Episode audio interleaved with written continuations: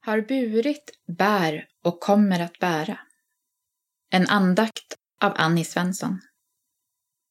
Ända till er ålderdom är jag denne, och till dess ni blir grå ska jag bära er. Så har jag hittills gjort, och även i fortsättningen ska jag stödja er. Jag ska bära och rädda er. Jesaja 46 och 4 Vilket löfte och vilken trygghet! Jesajas bok är full med beskrivningar av hur god Gud är. Styckena före den här versen berättar om Guds storhet och makt, om avgudarna som måste falla för honom och om vilken omsorg han visar sitt folk. Allt detta syftar denne på. Denne som bär oss tills vi blir gamla och grå.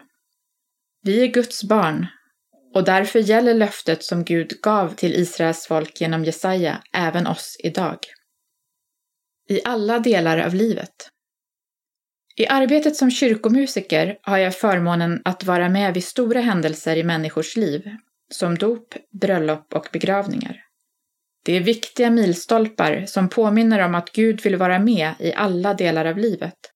Att han har lovat att vara där från början till slut. I både glädje och sorg. Och alla de där vanliga dagarna då inget särskilt händer.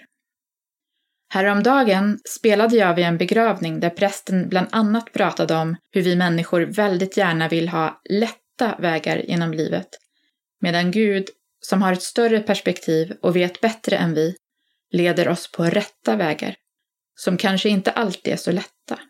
Ibland är det svårt att tro, men då får vi gå tillbaka till Bibeln och läsa Guds löften igen. Så har jag hittills gjort. När vi tänker efter kan vi säkert komma på många tillfällen då vi blivit burna av Gud och i våra egna liv hitta tecken på att han håller sina löften.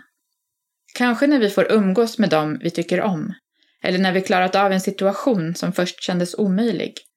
Om han burit oss så här långt, varför skulle han då inte fortsätta att bära? Vi kan tryggt lita på att vi har en stor Gud som är med genom hela livet och räddar oss till en evighet i gemenskap med sig.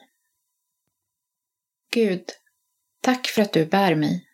Hjälp mig att lita på det. Amen. Vid Guds hjärta är jag buren, innesluten i hans famn. Medan hemligheten djupnar viskar Fadern ömt mitt namn. Svensk psalm 522, vers 4.